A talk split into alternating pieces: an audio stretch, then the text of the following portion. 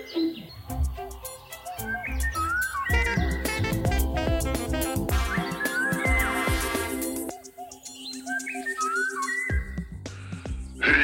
och välkommen till Pippipodden alla glada fågelentusiaster. Välkomna till Pippipoddens fjortonde avsnitt. När vi inledde det förra avsnittet, eh, Gullet, så sa jag att du hade precis fått lite av ditt lystmäte när det gäller havsfåglar. Och nu kan vi väl också säga att du har fått lite av ditt lystmäte när det gäller sibiriska vingband. Jo, vi åkte iväg till Öland faktiskt häromdagen och tittade på några sibiriska vingband, bland annat sibirisk lundsångare och kungsfågelsångare. Och eh, för er som inte är så bevandrade i den här ornitologiska nomenklaturen eller vad vi ska kalla det för. Så med sibiriska vingband så menar vi alltså sådana här små sångare som har vingband. Alltså kungsfågelsångare, taigasångare och nu också kaukasisk eh, lundsångare och sibirisk lundsångare. Ja, det är en hel drös sådana här små sångare som har just vingband. Exakt, och det är just på Gotland och kanske Öland och Skåne, östra Skåne, sådana ställen, eller egentligen överallt, letar man väl efter vingband i oktober månad främst. Det är ju små, små fåglar som inte väger många gram, en 6-7 gram kanske. Men som ändå har kapacitet att flytta väldigt långt. Och som varje höst av någon anledning flyttar åt fel håll och hamnar här hos oss. Ja, de ska ju egentligen oftast i alla fall ner till sydöstra Asien. Så det blir ju någon slags spegelflyttning där kan man väl säga. Ja, och eh, hur kändes det sen när ni åkte hem då? Kände ni er upprymda inombords? Ja, alltså det var kul att fotografera de här sångarna för de visade ju upp sig så otroligt fint. Den här eh, Kungsfågelsångaren fotade vi ju ovanifrån från ett fågeltorn så det kändes lite otippat så man inte behöver... Var, var den på väg upp till er? Upp för trappstegen eller? Ja, mer eller mindre alltså fast i ett träd. Den eh, klättrade upp ja, i tid och otid och visade sig väldigt fint i solljuset där. Så det var ju sådana otippade fotomöjligheter oftast då man och tittar upp långt upp i en björkkrona och ska fota dem på långt håll och det blir sällan några bra bilder där fågeln syns men Mikael Nord fick särskilt bra bilder och jag tror jag fick en och annan jag också. Och för er som händelsevis inte vet hur en kungsfågelsångare ser ut så kan vi säga att det är en liten fågel, inte mycket större än en kungsfågel, men som är väldigt strimmig både på huvudet och på vingarna och som är väldigt, väldigt söt, för det får man väl säga. Det är väl den närma, bästa beskrivning man kan göra. Otroligt söt. Frida som är med oss och gör Pippi-podden, hon fick ju tre nya arter den här dagen om man räknar med den här sibiriska lundsångaren. Men jag tror att det var kungsfågelsångaren som satte störst spår hos dig Frida. Frida nickar här i bakgrunden kan vi ju säga. Ja, jag, jag stannade hemma och jobbade med fågelåret istället eh, och nu är den skickad till tryckeriet. Men jag fick faktiskt vara med om en riktigt häftig upplevelse fredagen den 20 oktober. Ja, vad fick du vara med om då? Jo, jag var på ett möte inne i stan och kom ut från den här lokalen ungefär vid 11-tiden. Och då kom det ett larm på vårt lokala larmsystem där det stod att det var väldigt mycket rödvingetrast i luften och någon undrade då om det var någon som räknade de här rödvingetrastarna. Så när jag kom hem, jag bor ju strax intill Grötvik som är en väldigt bra sträcklokal när det blåser ostliga vindar och det gjorde det just den här dagen. Då ställde jag mig i mitt köksfönster eller framförallt på min kökstrappa och tittade ner mot den här sträcklokalen och började räkna Rödvingetrasta och på en timma så räknade jag, alltså då räknade jag, kanske inte varje fågel, men jag räknade flockar på 200-300 och så här. Det var ingen uppskattning per tidsenhet. Och jag fick ihop 14 500 på en timme då mellan klockan halv tolv och halv ett. Och det var häftigt alltså. Jag har aldrig sett något liknande. Det låter riktigt sanslöst häftigt. Men då kan man ju faktiskt fråga sig hur många sträckte förbi egentligen? Det finns väl 1 100 000 par rödvingetrastar i Sverige enligt Fåglarna i Sverige antal och förekomst. Ja, det var några som var ute och skådade hela den förmiddagen och de uppskattade antalet utan att räkna till någonstans mellan 50 och 100 000. Och eh, Det är ju absolut inte orimligt. För tänker vi som du säger att det häckar 1,1 miljoner par så är det väl eh, åtminstone 2 miljoner adulta rödvingetrastar som är fortfarande i livet när hösten börjar. Och säga att de här paren har fått i genomsnitt två unga per par. Då handlar det ändå om att vi har fyra miljoner rödvingetrastar bara i Sverige. Och sen passeras ju Sverige av en massa norska och finska rödvingetrastar. Och kanske från Kolahalvön med. Så att det är ju många miljoner rödvingetrastar som ska passera här förbi. Och ja. de, flesta, de flesta flyttar nog på nätterna. Det brukar man ju kunna höra när man går ut en höstnatt. Ja. Nej, just hela veckan, den här vecka 42, så sträckte ju rödvingetrastar varje dag. Mm. Och om det var några som räknade just en dag, kanske upp till 100 000, då kanske det passerade lika mycket varje dag, vem vet? Och sen på tal om trastar, så under den här veckan som gick så eh, hade jag också glädjen att ha en, en eller egentligen två ringtrastar på besök i min trädgård. För några år sedan så planterade jag lite bärbuskar, bland annat aroniabuskar. Nu äntligen så fick jag lite lön för den mödan. För jag hade en ung ringtrasthandel som satt och käkade aroniabär varje dag. Och det var kul att se. Ja, jag fick ju också se den när jag kom hem till dig och drack kaffe. Det var flera just fågelskådare som hade ringtrastar i sina trädgårdar senaste veckan här i Halmstad. Så det har ju varit väldigt många förbisedda också.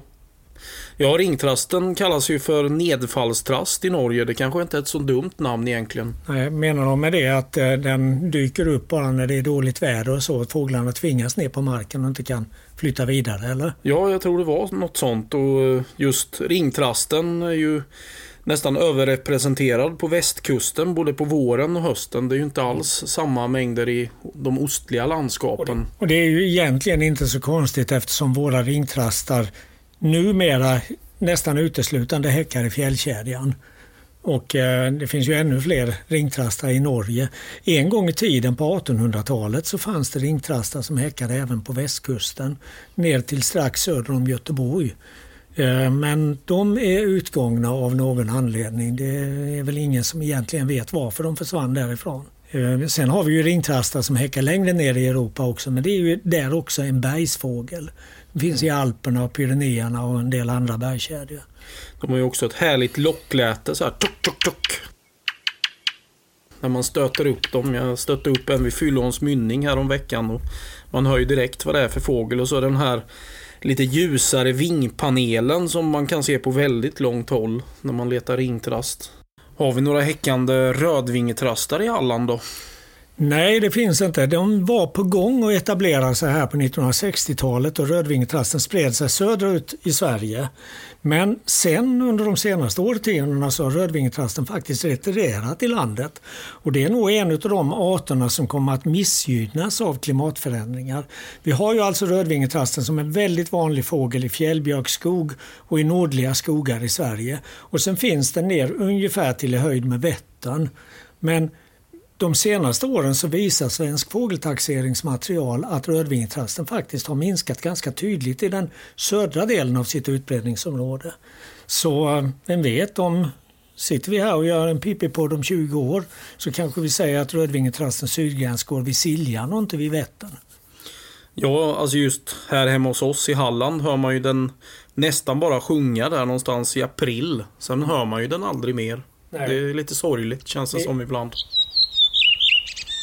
Vi ser, ser och hör rödvingetrast vår och höst framför allt. Sen har vi ju en och annan som kan övervintra här också. Åtminstone milda år och år när det är gott om rönnbär och andra bär. Men nu kanske vi ska lämna de halländska fåglarna och ta oss till en annan del av Sverige. Vad säger du om att eh, höra lite grann om hur eh, det gick till när Sundre fågelstation bildades? Det låter väl alldeles utmärkt. När den här omgången av Pippodden går ut i etern så har Fågelåret 2016 precis gått till tryckeriet. Och ett av de stående inslagen i Fågelåret under alla de 25 åren som den här publikationen har funnits, det är en eh, redovisning av vad som hänt på fågelstationerna i Sverige under det gångna året. Och en av de här fågelstationerna som har funnits med under alla 25 år är Sundre fågelstation som ligger på södra Gotland. Och hur konstigt den kan låta så denna gotländska fågelstation den startades inte av några gotlänningar, inte av några stockholmare utan av en skåning bosatt i Oslo. Hur kom det sig, PG Benz? Ja, det är ju en lång historia men eh, det var ju på det viset att eh, jag bodde i Oslo och eh, arbetade på Zoologiska museet där. Och eh, fortfarande hade jag mycket kontakt med min gode vän Göran Holmström nere i Malmö. Eh, Göran Holmström han är lite periodare, han har olika intressen över olika tider och eh, just nu var han inne i sin filoskopusfas. Och eh, han ringde mig en dag, det var 1974, och sa att du, jag undrar om inte det har häckat lundsångare i Skoge i Sundre socken på södra Gotland. Jaha, sa jag. Eh, hur så, vad menar du med? Ja, du, jag tror vi ska eh, åka dit nästa år och titta för där kan ju vara lundsångare även nu eller nästa år. Jaha, sa jag. Liksom, ja, ja, vi får planera det här. Och så började det hela så att Göran Holmström med fru Eva och jag med min dåvarande hustru Cecilia, vi åkte med relativt eh, nyfödda barn till eh, Gotland och närmare bestämt Sundre socken 1975. Eh, inga lundsångare fanns att se men det var mycket annat intressant att se. Och det var så det hela började. Jag fastnade för fågellivet där och ja, det var början på min Gotlandskarriär med slutet på äktenskapet. Hur kom det sig då? Ja, det var ju så att eh, Göran ordnade ju allting. Han ordnade ju med biljetter på färjan över och det var ju ganska omständigt. Och vi hyrde en stuga nere i Sundre socken och eh, det var ett stenkast ifrån Skoge där Lundsångaren häckade året innan. Och vi hade ju sett fantastiskt fina bilder på nyutflugna lundsångarungar tagna av eh, Lasse Jonsson som ju de flesta känner till. Och vi sprang ju där och letade men där var ju inga lundsångare. Men däremot så var vi uppe vid Muskmyr och där hittade vi en hel del intressanta fåglar sjungande vassångare och sen skulle vi då i skymningen ge oss iväg norrut och titta på eller lyssna på en mindre sumpöna. Vi kom aldrig iväg till Roma för att där satt en blåkråka på en telefontråd precis vid Muskmyr så där fastnade vi. Men i varje fall så rekognoserade jag omsorgsfullt och började planera för en ringmärkningsverksamhet i framtiden. Detta var alltså 1900 1975. Och eh, sen bar det sig inte bättre än att 76 åkte jag dit med hustrun. Ja, vi var fortfarande gifta. Och eh, med oss hade vi Kristoffer. Men eh, ja, då drog jag igång ringmärkningen i maj och fortsatte en bit ut i juni. Och så var så det hela startade. Så sensmoralen är att eh, om man ägnar sig för mycket åt fåglar så går det åt pipan med äktenskapet? Ja, det är ju så att jag satsar mycket på de här fyra F. Fåglar, frimärken, flickor och fotografering. Och eh, det var ju fåglarna som vann till slut. Och sen blev det ju att jag var på Gotland eh, varje år efter 76 och då var jag där och drog igång ringmärkningen på allvar och äktenskapet till slut och sen var det ju fria händer. Och efterhand så anslöt ju mer och mer folk. Det var ju ett gäng Nynäshamnare med den lilla gymnasiepågen Tord Fransson, numera chef för ringmärkningscentralen på Riksmuseet. Han dök upp i ett buskage där och sa att eh, du, jag känner Janne Olsson, jag har ringmärkt med honom, för jag var med dig och ringmärka? Ja, sa jag. Och det var så det började, en lång, livslång, ska vi säga, vänskaplig relation. Så eh, Tord var med mig från och med då, det var väl 15 år vi höll på att ringmärka tillsammans. Och till slut så var det ju, ja, det blev ju ett, eh, ska vi säga, ett eh, Nynäshamnsprojekt nästan. Men eh, när övergick den här hobbyverksamheten som du hade till att bli en ren fågelstation, alltså själva Sundre fågelstation? Ja, det måste ju ha varit 77 liksom när det började anta lite fastare former för då bildade vi Sundregruppen, föreningen Sundregruppen som skulle liksom vara, ja, jag ska inte säga huvudman, men administratör och, och, och liksom ansvarig för hela verksamheten. Och jag hade ju en privat ringmärkarlicens som jag fick redan 1960 någonting och eh, jag tror att jag var faktiskt en av de yngsta ringmärkarna någonsin i, Sverige. Och den eh, privata eh, ringmärkarlicensen den gjorde vi om till en fågelstationslicens. Så det blev, anslöt ju mer och mer folk och ringmärkningen antog allt fastare former och vi bestämde att den 25 april så drar vi igång och så håller vi på till 10 juni varje vår. Och så fortsatte det de fyra, fem första åren och sen helt mm. plötsligt så insåg vi att höstarna är ju inte fel och då utvidgade vi verksamheten ytterligare med höstperioden. Du har ägnat dig rätt mycket åt namedropping här. Eh, vi har hört om en den ena, en den andra. Vi kan väl fortsätta lite mer på den linjen. Vad var det mer för folk som var med där vid Sundre sen när ni drog igång där? Ja, alltså, den här lilla killen jag mötte, ja, gymnasieeleven Tord Fransson, han eh, anslöt väl 77 och sen så kom det ju fler till Tom Kolemainen, Roger Mellroth och Paul Elfström. Och, och gruppen växte ju och växte och eh, vi hade ju vansinnigt roligt. Vi ringmärkte ju mycket. Och, men det blev ju tid över till annat också som jag kanske inte ska berätta i detalj här.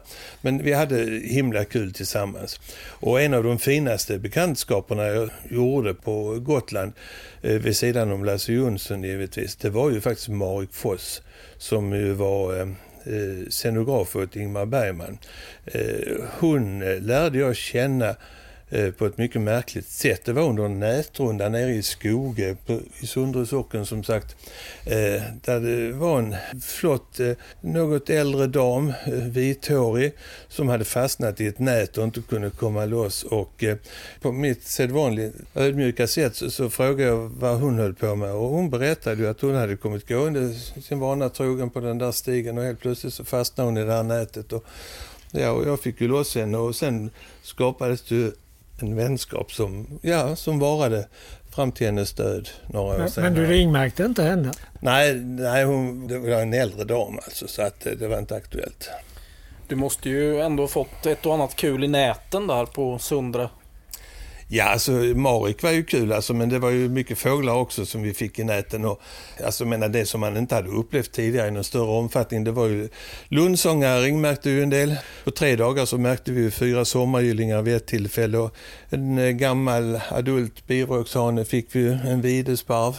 Och det var ju vårmärkningen som var högtidsstunden kan man väl säga. Så att eh, det, det, det, var många kul grejer och sen så var det ju också att eh, vid något tillfälle när det var för dåligt väder så stack jag och min gode vän Magnus Sandström allmänt kallad brännvinsadvokaten.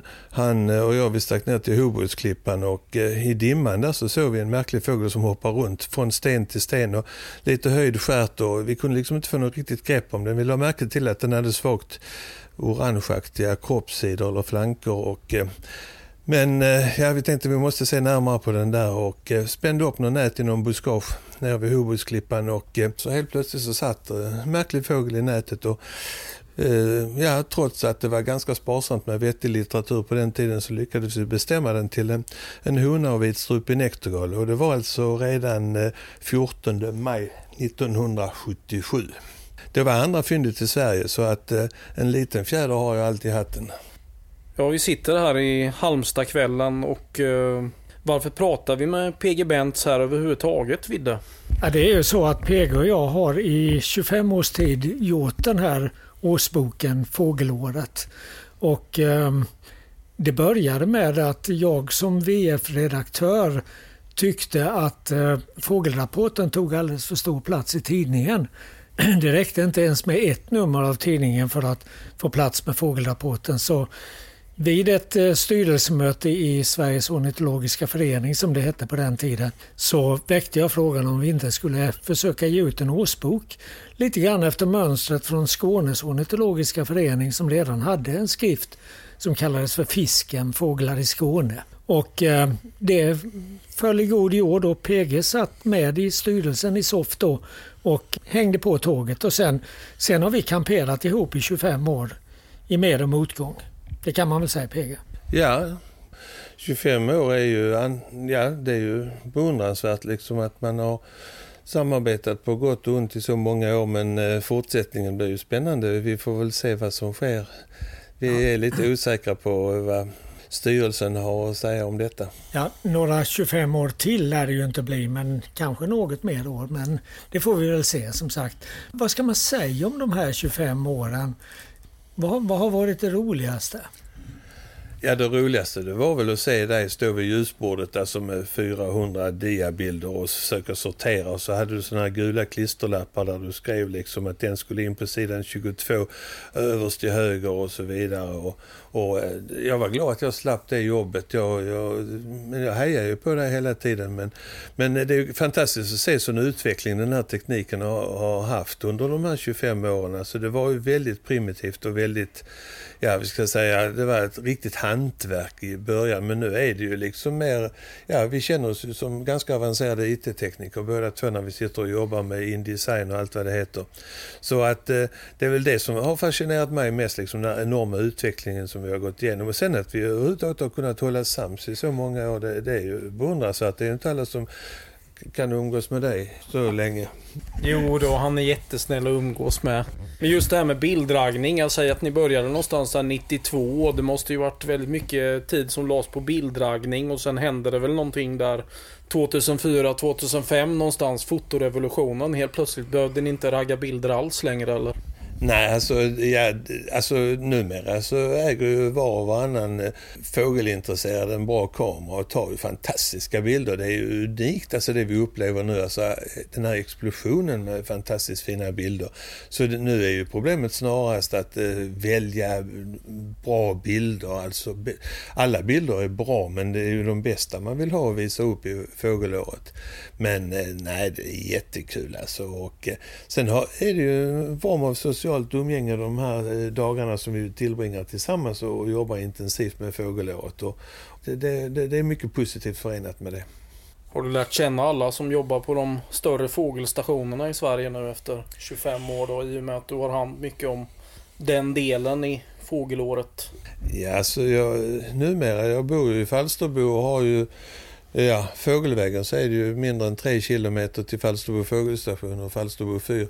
Så jag tillbringar mycket tid där och där har jag fått rollen lite som informatör och marknadsförare. Tidigare var jag mycket ringmärkare där. Men, men sen så har det ju varit eh, försök på sådana här fågelstationskonferenser, nordiska konferenser och, och, så vidare. Nu sänkte vi ambitionsnivån och så i Kalmar i fjol, 2016, så hade vi ju den här nationella fågelstationskonferensen där representanter från samtliga Sveriges fågelstationer infann sig. Och det var ett fantastiskt fint möte och ambitionerna var ju väldigt goda och utfallet blev ju väldigt bra för att man fick ett ansikte ansikte på alla de som man bara hade haft e-mailkontakt med tidigare. Och, eh, så, så framtiden för fågelstationerna ser väl i stort sett ganska ljus ut.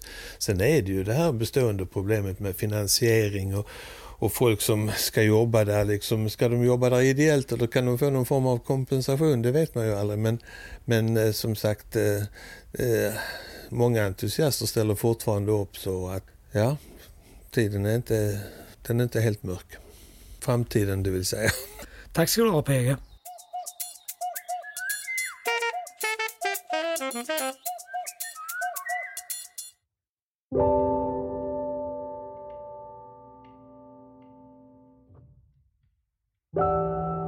Hösten har tagit sitt grepp om oss på både gott och ont.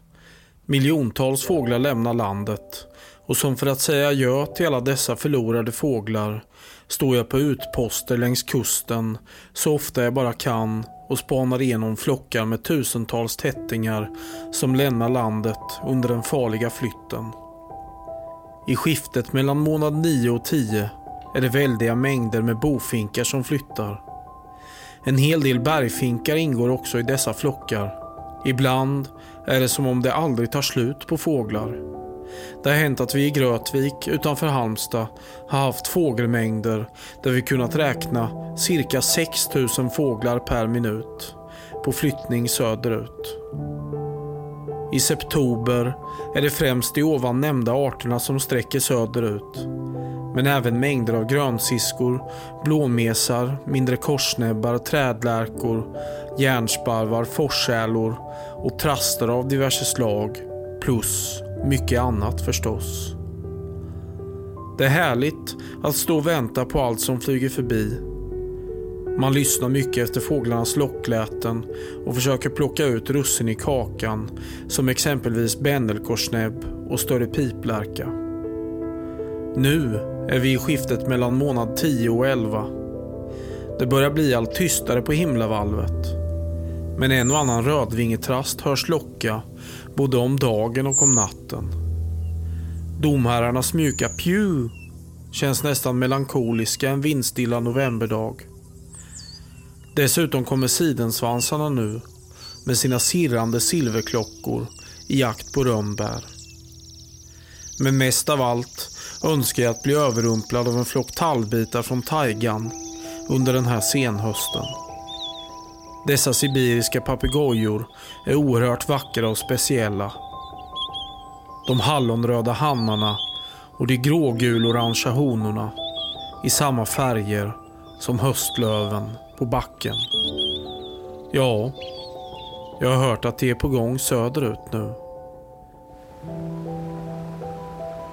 Men när är i mitt tycke fågelskådningen som bäst? Jag drömmer mig bort till en sån dag. Havets vågor och brus. Det magiska ljuset. Saltet som saltar linser och läppar i den hårda vinden. Precis då en bredstjärtad labb passerar spelar en symfoniorkester i mitt huvud. Först trevande och mjukt för att sedan avsluta i ett crescendo av toner med stråkar, blås och trummor. Det är höst igen och jag längtar efter liror, labbar, stormfåglar och klykstjärtade stormsvalor. Jag vill ha whisky och tända ljus. Vinden bestämmer när det är dags för allt det där. Då är jag beredd på allt och lite till.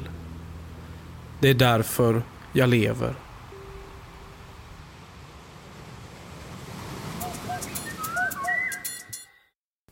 Det är ju väl bekant att många människor är väldigt, väldigt medvetna om sitt utseende. Men det verkar faktiskt som att även en del fåglar är det. Det antyder i alla fall nya forskningsrön. Här i Pippipodden brukar vi titta lite närmare på aktuell forskning och denna gång handlar det om en artikel som publicerades i somras i en skrift som heter Nature, Ecology and Evolution och som gäller en studie som genomfördes i Zambia. Och det handlar om skyddstäckning och man tittade på såväl skyddande täckning hos ruvande fåglar som skyddstäckning på ägg. Och när det gäller de ruvande fåglarna så handlar det om tre olika arter nattskärror som alla är kända för att trycka väldigt, väldigt hårt på boet. När det gällde ägg så var det däremot vardera tre arter av ökenlöpare och pipare som studerades. De här sistnämnda de lämnar boet långt innan en annalkande fara kommer riktigt nära och de förlitar sig istället på att äggen inte ska upptäckas. Nattstjärnorna förlitar sig på att inte de ska upptäckas.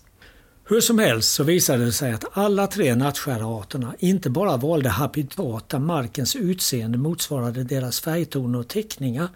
De valde också just de fläckar på marken där överensstämmelsen med deras utseende var som allra störst. Det kunde till exempel handla om väldigt små ansamlingar av löv av en viss färgton.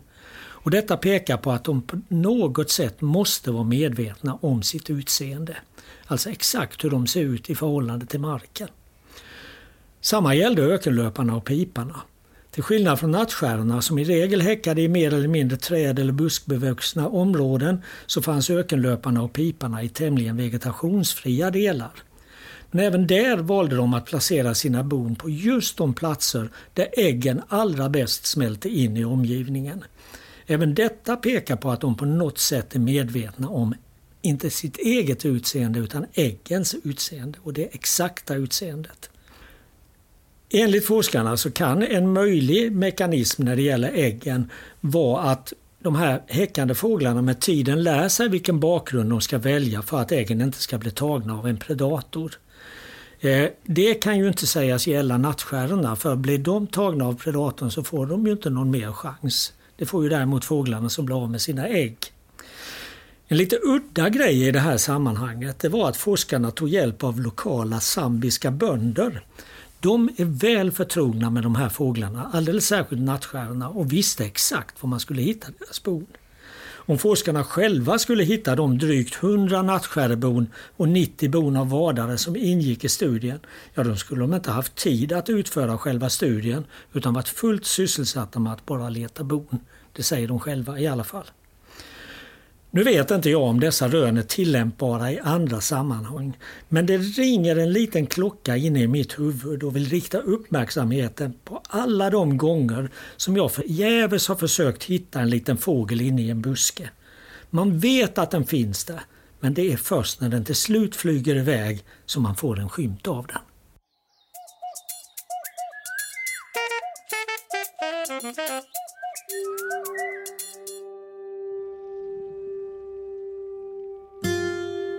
Detta skriver Gunnar Brusewitz I Sveriges natur. En resa i tid och rum. Naturskyddsföreningens årsbok från 1984.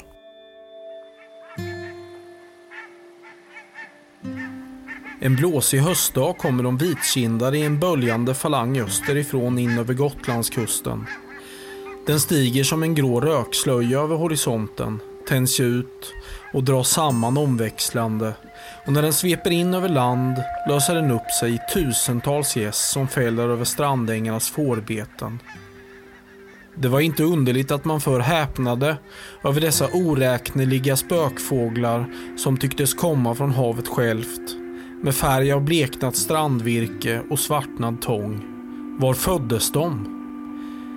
Man hade sett ett slags kräftdjur. Långhalsar, latinets lepas, sittande på ilandflutna trädstockar omslutna av musselliknande skal ur vilka halsen och de dunlika tentaklerna stack fram. Där tyckte man sig finna förklaringen till havsgässens ursprung. De föddes inte som fåglar ur ägg utan kläcktes av de mystiska snäckorna. Det var en gammal myt som lyckades hålla sig levande långt in på 1700-talet i avlägsna kusttrakter vid de brittiska öarna. Tron på gässen som föddes ur trädens snäckfrukter understöddes med stort nit av prästerna som ansåg sig oförhindrade att äta dessa havsdjur under fastan eftersom de ju inte kunde räknas till de varmblodigas skara. En värdshusvärd på Irland berättade för mig att de små brantagässen fortfarande är fastlagsmat i många irländska hem. Linné bidrog knappast till att skingra dunklet kring de små gässen från ingenstans när han försökte bringa ordning i fågelvärlden. Snarare tvärtom. Av någon anledning fick han för sig att den vitkindade gåsen var fjällgåsens hane. Det medförde att den vitkindade och fjällgåsen kom att beskrivas under samma nummer, 116, i andra upplagan av Fauna Svesica. Under många år förekom sedan de vitkindade bara enstaka notiser från olika håll i landet. Mycket tyder på att de knappast längre kunde betraktas som årsvissa fåglar. Men den vitkindade är en överraskningarnas fågel. En aprildag 1911 uppenbarade de sig helt oväntat på sydostkusten av Gotland, där arten aldrig tidigare hade visat sig. De hälsades givetvis med gevärseld något annat var inte att vänta. Det hindrade dock inte de optimistiska essen att återvända då och då till Laos och Råne holmar. En ny epok hade därmed inletts i de vitkindades svenska historia. In på 1920-talet började deras antal öka dramatiskt. Man kunde nästan tala om invasion. Henning Hallbom, bonde vid Grötlingbo udd, minns när de första jätteflockarna kom dragande in från havet 1928. Det var en fantastisk, nästan overklig upplevelse med dessa främlingsfåglar som plötsligt vimlade över de gröna strandängarna. De kunde räknas i femsiffriga tal och när flockarna lyfte för en örn eller pilgrimsfalk så fylldes himlen av deras piskande vingar och upprörda läten som lät som ivrigt hundskall. När man ser de vitkindade myllra fram över de gröna, kortsnaggade strandmarkerna på Gotland vill man gärna tänka sig att miljön överensstämmer med häckplatserna uppe i norr. Men så är det inte alls. De häckar i tvärbranta klippstup på trånga hyllor dit inte ens den hungrigaste polarräv kan nå. Sedan söker de upp de fuktiga strandängarna där de betar familjevis. Strax invid Ny-Ålesund på Västspetsbergen har jag sett två vitkindsfamiljer beta vid en liten göl. I sällskap med brednäbbade simsnäppor, snösparvar, skärsnäppor, smålommar och alfåglar. Tämligen oskygga, men alltid med en noga iakttagen distans till människor. Helt annorlunda uppträder de på rastplatserna vid den gotländska kusten här är de vaksamma och snara till uppflog vid minsta störning. När en flock av någon orsak tagit till vingarna får den lätt med sig alla de andra och sedan kan betesmarkerna vara tömda på några sekunder. Gåsmarkerna är sedan ett par år tillbaka naturreservat avstängda för besök vår och höst under tiden 15 mars till 15 juli och 1 oktober till 15 november. Vid Hennings gård har Skogsvårdsstyrelsen låtit bygga en observationsstuga för intresserade. Det är ett fint initiativ. Med kikare kan man därifrån bekvämt studera de betande flockarna, men försiktighet är av nöden. En hastig rörelse eller minsta buller kan lätt bli signal till uppbrott och sedan blir det långa timmars väntan tills de är tillbaka, om de överhuvudtaget återvänder samma dag. Ibland händer det att udden vimlar av vitkindade när vi kommer för att installera oss i gömslet. Och då gäller det att röra sig med stor varsamhet. Efter en stund är de flesta i färd med att beta och lugnet förefaller att vara solitt. Enstaka gäst står alltid med vaksamt sträckta halsar och granskar omgivningen med skarpa gåsblickar. Men i regel finns det inte mycket att slå larm om. Artfattigdomen är påfallande på udden trots att den erbjuder fina lokaler för vadare och änder. Här och var i de stora grupperna syns ibland de mörka prutgässen. Men de håller sig tydligen helst för sig själva, närmare havsstrandens tångbankar. En morgon tar stora flockar av gäss till vingarna ute på holmen samtidigt som det blir uppståndelse bland en mängd änder ute på udden. Orsaken är en pilgrimsfalk som kommer susande in från havet på ganska hög höjd. Han gör en halvhjärtad attack mot en småskrak, försvinner en stund men återvänder för en kort runda innan han är borta i det bländande ljuset i sydost. Som genom ett trollslag ligger strandängarna öde. Endast en tunn och långt utdragen rökslinga över ytterholmen visar att gässen gått över dit och är på väg att fälla. Nere vid Faludden, ett par mil söderut, går också några vitkindare. Men här härskar annars prutgässen och en flock på 43 mindre sångsvanar vars högljudda skällande först sätter myror i huvudet på oss. Det är en klassisk lokal för denna arktiska svan. Vi möter en kofösande bonde på den lilla vägen. Han visar sig vara fågelintresserad. Det kan man väl knappast undgå på en plats som denna men de vitkindade och prutgässen hade han inte mycket gott att säga om. I fjol åt de upp 22 tunnland råg för mig. Friktionsfritt har samvaron knappast utvecklat sig mellan strandborna och de små arktiska gässen.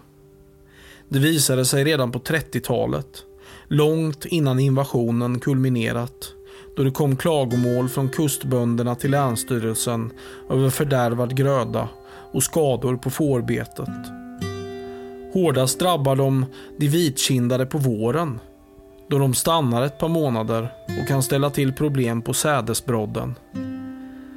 Höstuppehållet är kortare och då hör det mer till undantagen att de ger sig på ännu icke skördad säd. För några år sedan började de vitkindade till allmän överraskning häcka på de gotländska rastplatserna hundratals mil från sina arktiska hemtrakter. Det var en sensation. Från att ha varit ett fåtal häckande par finns det nu en liten koloni på cirka 75 par. De första var så orädda att jag kunde gå alldeles intill dem, berättade Henning. Var de första kanske förrymda fågeldammsgäss? Hur som helst gör onekligen de vitkindade skäl för beteckningen överraskningarnas fåglar.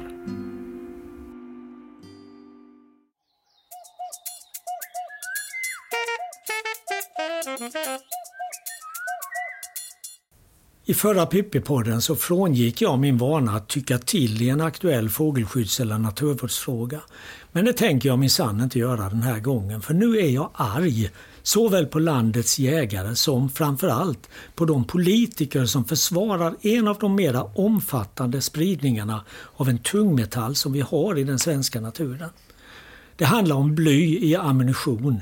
Nu pågår älgjakten i stora delar av Sverige och därmed blir frågan väldigt aktuell.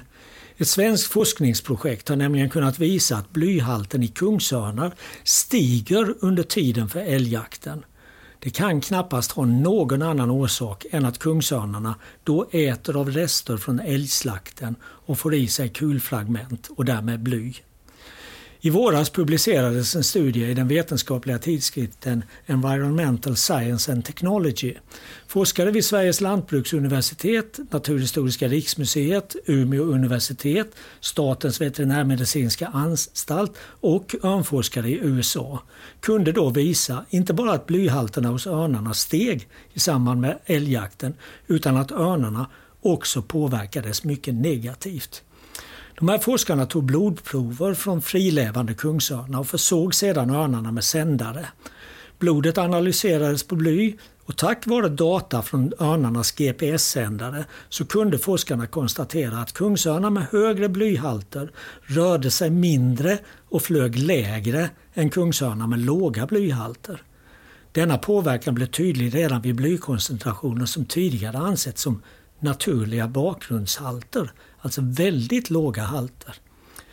Idag kommer bly främst från jakt medan det för några årtionden sedan huvudsakligen kom från blyad bensin till bilar. Det metalliska blyet i kulor och hagel det joniseras i magsäcken på örnar och andra djur och kommer på så vis ut i blodet. Det finns inte heller några egentliga gränsvärden som kan anses säkra utan redan vid låga halter uppstår diffusa symptom enligt de här forskarna. Hos människor som undersökts handlar det om trötthet, huvudvärk, förhöjt blodtryck och andra symptom som gör det väldigt, väldigt svårt att diagnostisera blyförgiftning. Det är väl belagt att både kungsörnar och havsörnar dör av blyförgiftning i Sverige och att det inte handlar om några försumbara antal. Det är ganska många örnar som dör på det här viset. Med de nya rönen så kommer även andra dödsorsaker i en ny dager. Bland annat har man länge misstänkt att många av de örnar som dödas av tåg när de lockas till banvallarna av tågdödat vilt har haft nedsatt reaktionsförmåga. De har inte flugit när tågen har kommit nämligen.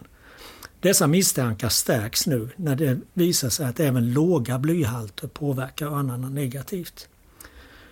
Redan för 11 år sedan var det på gång ett totalförbud mot bly i jaktammunition. Men det rev den första alliansregeringen upp efter mycket starka påtryckningar från jägarna. Och än idag är både allianspartierna och Sverigedemokraterna motståndare till ett blyförbud inom jakten. Detta kan inte grundas på något annat än att man inte vill stöta sig med den viktiga väljargruppen jägare. Idag finns det nämligen alternativ till bly, men det kräver i regel att man köper ett nytt vapen. När det gällde blytillsatsen i bensin så tvingades i stort sett hela det svenska folket att gå över till en ny bilpark när blyet förbjöds i bensinen.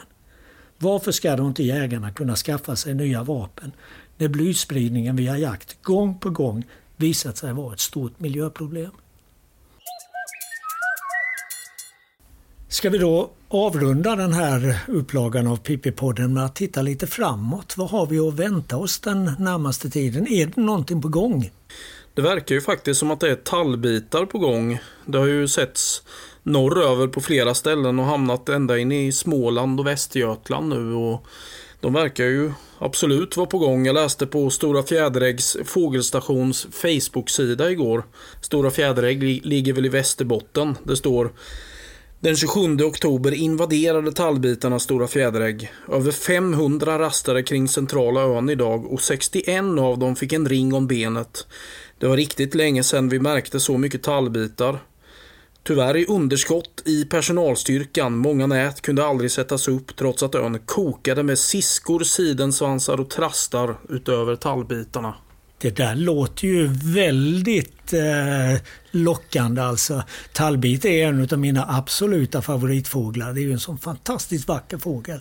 Och häromdagen så var det ju film på en som satt och åt från en helt vanlig solrosfrömatare vid något hus. För er som inte vet hur en tallbit ser ut så kan vi säga att det är en stor finkfågel. Den är lite större än en domherre och hannarna är läckert röda medan honorna faktiskt är nästan ännu vackrare i väldigt diskreta men vackra grå och gula färgnyanser.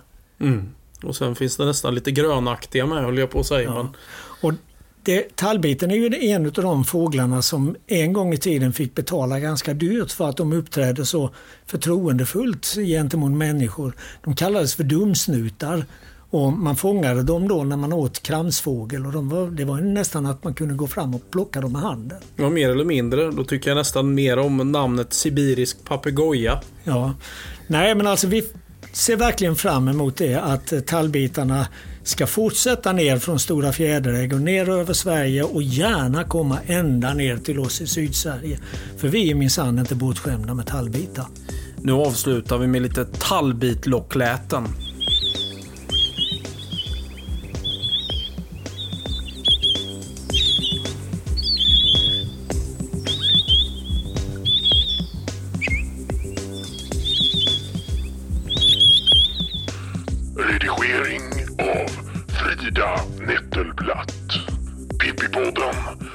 Produceras i samarbete med Studiefrämjandet.